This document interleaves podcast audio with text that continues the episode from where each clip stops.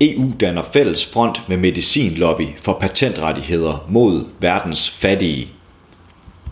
Lad os beholde vores patenter på coronavaccinerne, så skal vi nok sikre, at også de fattige lande får adgang til vaccinerne. Sådan lød medicinalindustriens budskab til EU i en række dokumenter, som Corporate Europe Observatory, der holder et vågent øje med lobbyismen i EU, har fået agtindsigt i.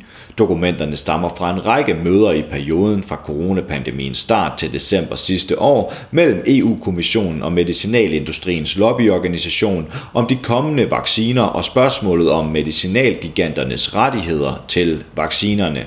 Møderne mellem medicinalindustrien og EU mundede ud i en fælles enighed om ikke at pille ved medicinalvirksomheders intellektuelle ejendomsret over vaccinerne. Det er det glade vanvid. Vi står i en helt exceptionel nødsituation.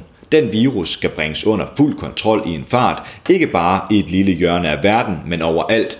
Jo længere tid der går, det større er risikoen for nye varianter, der kan snyde vaccinen, og i øjeblikket koster pandemien mange menneskeliv i eksempelvis Indien og Brasilien, siger researcher hos Corporate Europe Observatory Kenneth Hall til arbejderen. Han uddyber. Der findes ikke et godt argument for at lade nogle få virksomheder forvalte produktionen af vacciner. Vi ved med sikkerhed, at de kun lader nogle få producenter være med, og det skaber knaphed og vaccinenationalisme.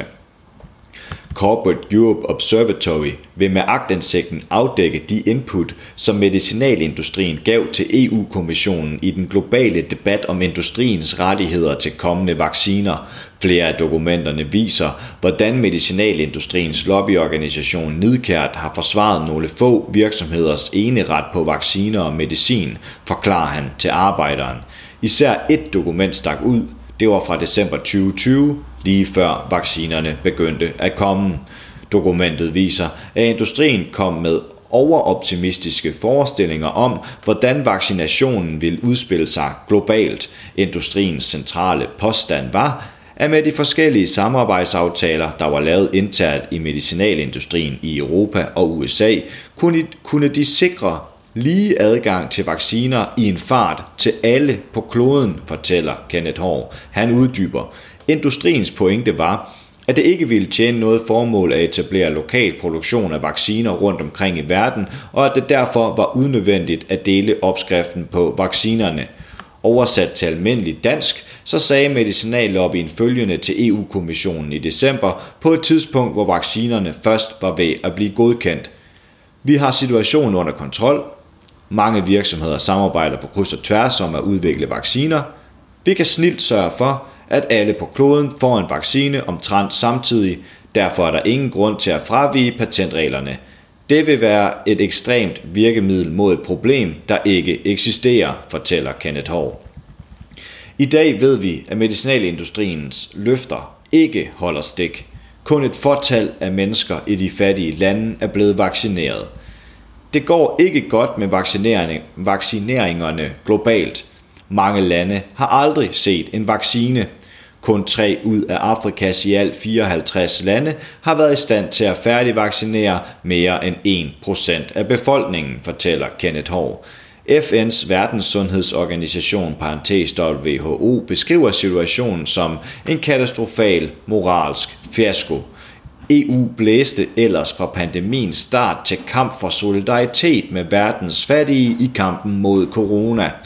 Vi har brug for at udvikle en vaccine, vi har brug for at producere den og udbrede den til hver eneste afkrog af verden og gøre den tilgængelig til en overkommelig pris. Vaccinen skal være et universelt fælles gode, proklamerede EU-kommissionens præsident på et pressemøde i april sidste år. Men de flotte ord klinger hult i Kenneth Hors ører. Det er ikke det, vi ser hende og hendes kolleger i kommissionen føre ud i livet.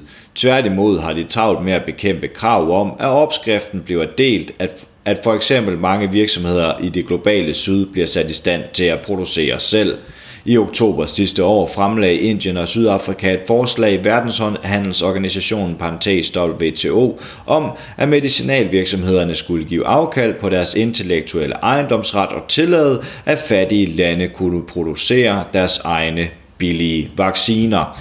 EU's forhandlere i WTO afviste helt i tråd med medicinalindustriens interesser. En af årsagerne til mangel på vacciner i verdens fattigste lande er, at nogle få medicinalvirksomheder kan bestemme, hvem der producerer og hvor meget, påpeger Kenneth Hård. Konsekvensen af at overlade rettighederne til vaccinerne til nogle få medicinalvirksomheder er, at man derved lader det være op til medicinalvirksomhederne at bestemme, om de vil tillade produktion af kopimedicin i ulanden eller ej, Erfaringerne viser, at vaccineproducenterne ikke har interesse i at udvide deres produktion til fattige lande. Coronakrisen er ingen undtagelse.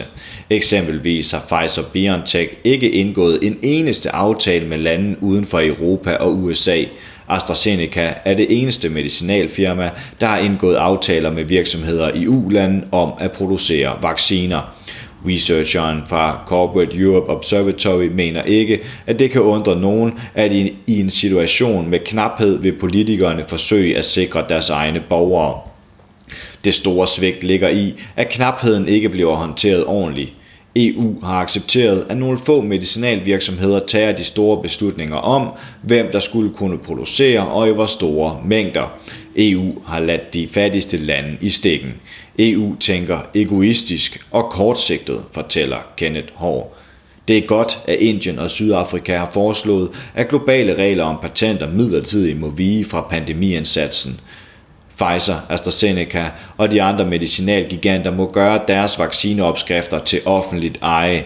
Medicinalindustriens europæiske lobbyorganisation EFPIA hævede sidste år sit lobbybudget med 8 millioner kroner til 41 millioner kroner. EFPIA har ansat 25 lobbyister i EU-systemet til at fremme medicinalindustriens dagsorden. Du har lyttet til en artikel fra Arbejderen. Abonner på vores podcast på iTunes, eller hvor du ellers hører din podcast. Du kan også klikke ind på arbejderen.dk for meget mere journalistisk indhold.